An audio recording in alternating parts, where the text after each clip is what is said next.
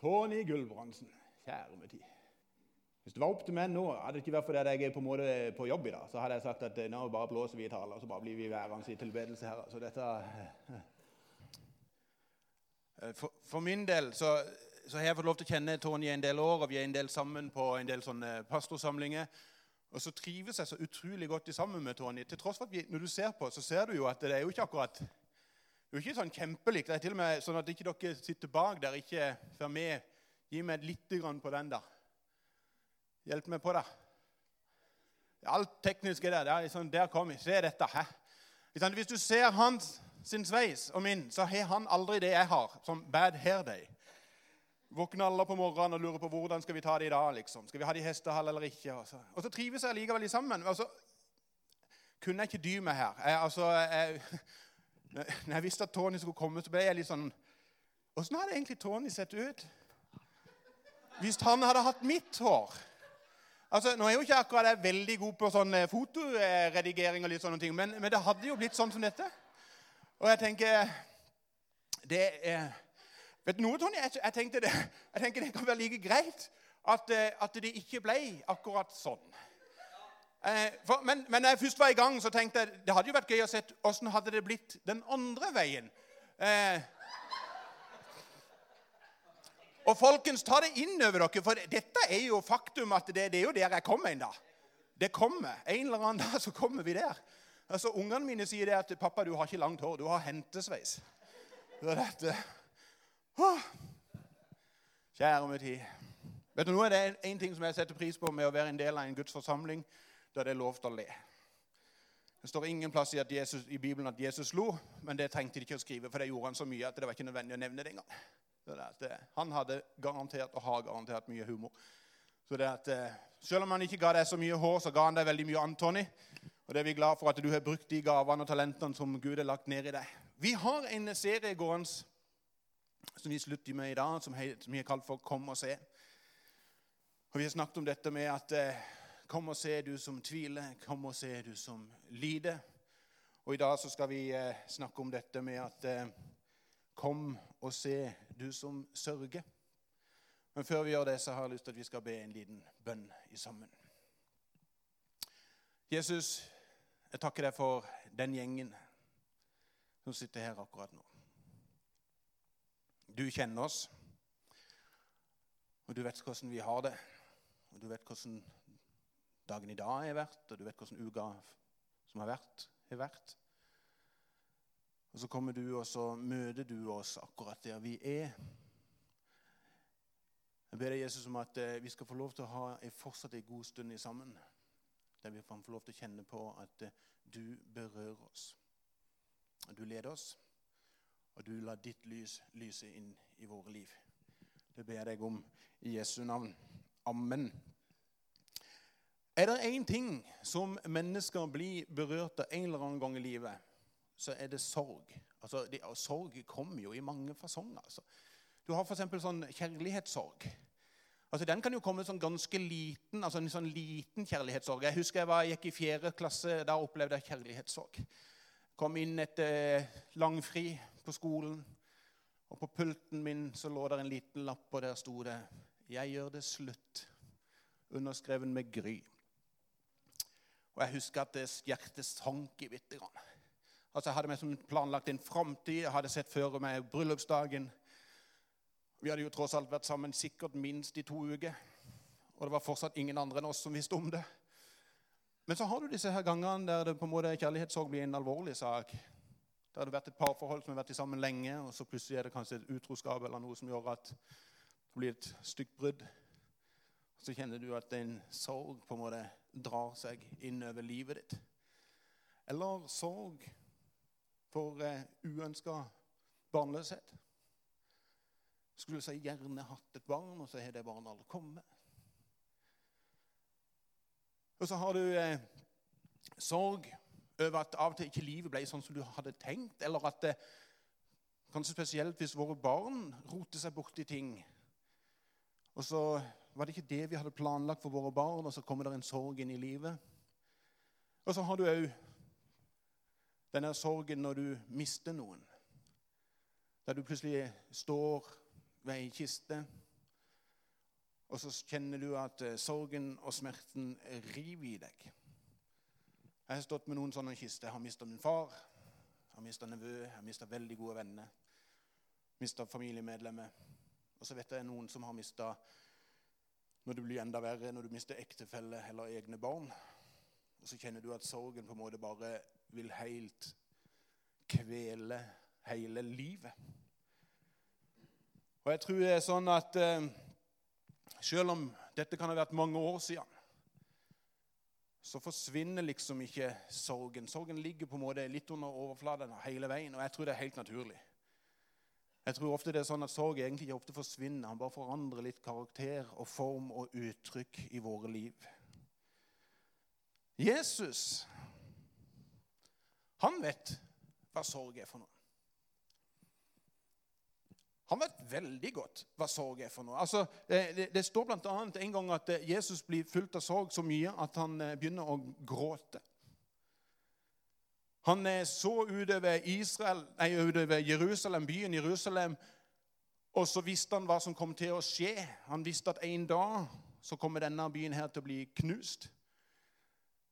Og Så gråt han over det som skulle skje, og så gikk det bare 40 år etterpå, og så marsjerer romerne inn i Jerusalem, knuser byen stein for stein. Men eh, når Jesus virkelig kjente på sorg, så var det på skjærtorsdag i Getsemane.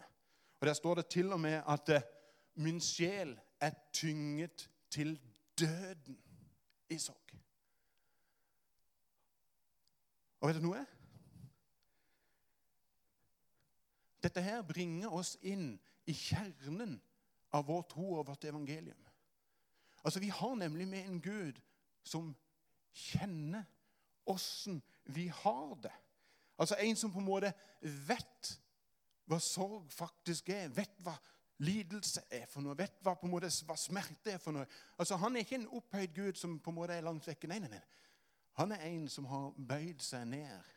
En fader, en stor storebror som har bøyd seg ned til oss, og som kjenner og vet åssen vi har det. Hebreerne sier det sånn som dette her. For vi har ikke en øverste prest, altså en himmelsk far, som ikke kan lide med oss i vår svakhet, men en som er prøvd i alt på samme måte som vi, men uten synd. Forhåpentligvis så er ikke livet ditt akkurat helsvart akkurat i dag. Eh, derfor så tenker jeg at det, er noen ting jeg har lyst til å ta med oss inn i, i en bibeltekst. For jeg tenker som så at det vi lærer i dag, kan vi ta med oss når livet blir mørkt og vanskelig. For det blir det, folkens. På et eller annet tidspunkt så møter vi vanskelige ting. Men det du tar til deg i dag, kan du anvende når ting blir mørkt. Altså Det blir litt som eh, når du har et eller annet bøttekott eller en lite bod hjemme som er kålsvart mørk. Altså, Det er ikke noe problem for deg å gå inn der, for du vet hvor lysbryteren er. Og Litt sånn er det med dette vi skal lære i dag. Det er litt sånn at Vi lærer noe før det faktisk kanskje skjer. Altså, Det å ta til seg Gudsordet på en lys dag, sånn at en kan anvende det når det blir mørkt. For ofte så er det sånn at når vi opplever at det blir mørkt i oss sjøl, så har vi da tendens til å bare grave oss enda en gang ned i vårt eget mørke og vår tvilelse. Men ut ifra Gudsordet så kan vi lære en del ting. Og Gjennom Guds ord, gjennom Bibelen, så kan vi lære hvordan vi kan håndtere sorg, tvil og smerte. Vi har hatt en sånn leseplan gående denne måneden her, der vi har lest gjennom Johannes evangelium. Og Vi skal gå inn i et kapittel som jeg må være ærlig og si, det er mitt favorittkapittel. Og Vi har lest det noen ganger her, og veldig ofte så blir det lest på første påskedag. På oppstandelsesdagen. Og Vi skal inn i en tekst der, det er noen damer som har kommet til grava. Og så har de opplevd at eh, grava er tom. Og En av disse damene er Maria Magdalena. Og Hun har tatt rennafart og funnet noen av de andre disiplene og fått de med seg til grava. Peter og Johannes er kommet og de har vært inne i grava. De har sett det tomt. Og så står det om Peter og Johannes. Etter de hadde sett det, så står det Og så gikk de hjem. Men Maria Magdalena hun kan vi lese følgende om. Men Maria sto like utenfor graven og gråt. Gråtende bøyde hun seg fram og så inn i graven. Da fikk hun se to hvitkledde engler sitte, Jesu kropp, sitte der Jesu kropp hadde ligget. En ved hodet og en ved føttene. Hvorfor gråter du, kvinne? spurte de. Hun svarte, de har tatt Herren min bort, og jeg vet ikke hvor de har lagt ham. Ofte når jeg har lest denne her bibelteksten, så vet dere hvordan jeg er. Jeg har fantasi, og jeg spør meg selv en del spørsmål. Og jeg har ofte spurt Maria Hvorfor står du der og ser inn i ei grav? Hvorfor blir du stående og se inn i sorgen og fortvilelsen? Hvorfor står du og kikker på det som er helt håpløst? Og så har det slått meg at jeg egentlig er litt sånn, jeg òg. Når jeg syns livet blir vanskelig, så har jeg en egenskap ofte at jeg kikker bare på det som er vanskelig. Jeg på en måte bare suger alt det vanskelige til meg. Alt det som er smertefullt, alt det som er håpløst. Jeg har sågar møtt mennesker som går så langt at de bortimot dyrker sorgen og fortvilelsen. Og så blir de bare værende i et mørke. Maria, hvorfor driver du og kikker inn i en grav der det aldri kommer til å bli lys? For det er ikke lys i en grav. Der er fortvilelsen. For å se lys så må man snu seg. Og det står om Maria dette som vi skal ta med oss i dag. I det samme snudde hun seg og så Jesus stå der. Men hun skjønte ikke at det var han. 'Hvorfor gråter du, kvinne?' spurte Jesus. 'Hvem leter du etter?' Hun trodde det var gartneren og sa til ham, 'Herre, hvis du har tatt ham bort, så si meg hvor, jeg, hvor du har lagt ham, så, jeg, så skal jeg ta ham med meg.' Maria. Maria, sa Jesus. Da snudde hun seg og sa til ham på hebraisk, 'Rabuni'. Det betyr mester. Vet du noe? Det er én som kan skape lys midt i vårt mørke. For Jesus er selve lyset. Han er ikke bare en som sitter i sin himmel. Nei, nei, han er nær oss. Det stender dette i Hebrea, Jesaja så stender dette. Så sier han som er høyt opphøyd, han som troner evig. Den hellige er hans, eh, er hans navn. I det høye og hellige bor jeg, og hos den som er knust og nedbøyd i ånden. Jeg vil gi ånden liv hos dem som er bøyd ned. Gi hjerteliv hos dem som er knust. Vi har ikke en som er langt vekk ifra oss, men en som møter oss der vi er. Midt i vårt liv, midt i vårt smerte. Og så nevner han oss med navn. Vet du noe? Han slutter aldri å tenke på oss. Aldri. Han ønsker hele tida å dra oss nærmere seg. Han ønsker hele tida å vise hva han kan gi oss, og åssen han kan forme oss.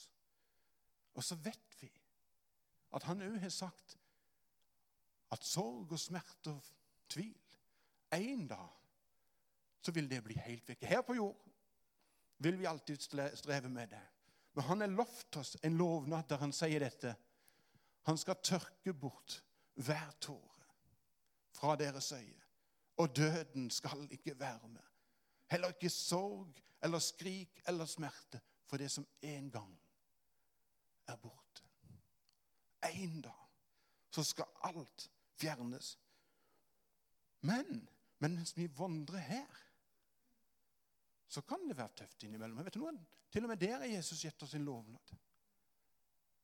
Jesus sa i bergprykken, 'Salig er dere som sørger, for dere skal trøstes. Salige er dere som sørger, for dere skal trøstes. Jesus inviterer oss til å løfte blikket mot han. I denne taleserien her så har vi hele tida sunget en sang som ikke vi kommer til å synge i dag, som heter 'Kom og se'. Men jeg har lyst til å lese noe av det som står i den sangen. Det stender bl.a. dette. Vi har vært knuste og behøvd en ny start. Vi har kjempet med lengsel og ensomhet, men har funnet håp i ham. Han som har seiret, slik at vi kan se klart. Han har åpnet veien hjem. Han har åpnet veien hjem. Når du kommer hjem igjen, så skal du finne tilbake igjen til Johannes kapittel 20. Og så skal du lese det avsnittet, for det var en detalj som ikke du fikk med deg. Det sto at Maria snudde seg. Men gå hjem og les teksten nøye, så vil du se at Maria snudde seg to ganger. Det virker som at første gang så snur Maria seg. Og Så får hun et glimt av Jesus. Hun skjønner ikke det er han, og så tenker at det er sikkert gartneren. Og så snur hun seg, virker det som igjen, og kikker inn i grava. Men så har hun en samtale med en hun ikke ser. Men så står det, når Jesus nevner hos sitt navn ømt Maria, så står det at hun snur seg igjen. Det er liksom som at i det hun hører navnet sitt nevnt, så er det som at det er et eller annet lys som bryter inn i, i hos sin tilværelse. Og så velger hun å snu seg og la lyset møte henne. La seg bli berørt av den kjærligheten og den varmen som Jesus gir. Og så utbasunerer hun. Rabuni.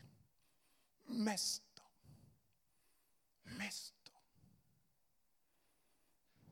Det er akkurat dette som mange her inne har erfart.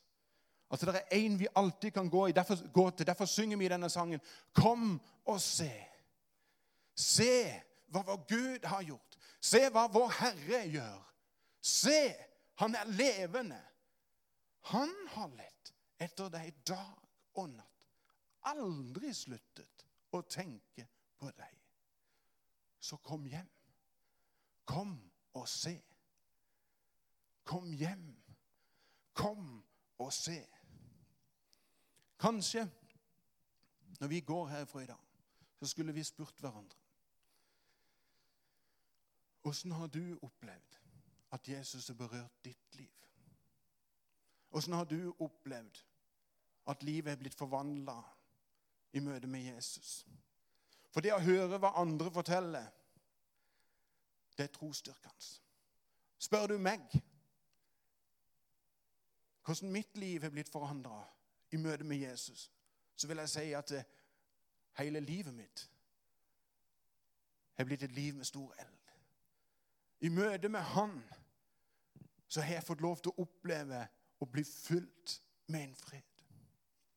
Og ikke minst den dagen han nevnte mitt navn, og jeg våga å snu meg og la meg bli berørt av han, så fylte han meg med et håp. Et himmelsk håp. Så Derfor er min bønn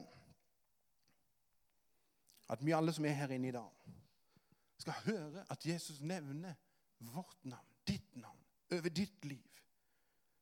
Og så skal vi la oss være åpne for at hans lys kan få lov til å lyse inn i vårt mørke, i vårt håpløshet, i vår sorg, smerte og lidelse og forvandle våre liv innenifra og ut. Amen. Tony, kan ikke du komme fram? Jeg skal be en kort, liten bønn. Og så skal Tony lede oss i en fantastisk flott sang som kanskje ikke alle har hørt. Jesus, jeg takker deg for det at eh, du er her. Så ønsker du å møte oss akkurat der vi er. Du ønsker å lære oss at eh, vi kan alltid vende oss til deg. Hjelp oss til å ta din visdom inn i våre liv. Når kanskje ikke livet er så mørkt. Jesus, jeg har lyst til å be spesielt for hver enkelt av oss som kjenner at det kan være vanskelig. Hjelp oss til å høre din stemme, som nevner oss med navn. Og hjelp oss til å våge å vende blikket på deg. Og da ditt lys får lov til å bryte inn i våre liv. I Jesu navn.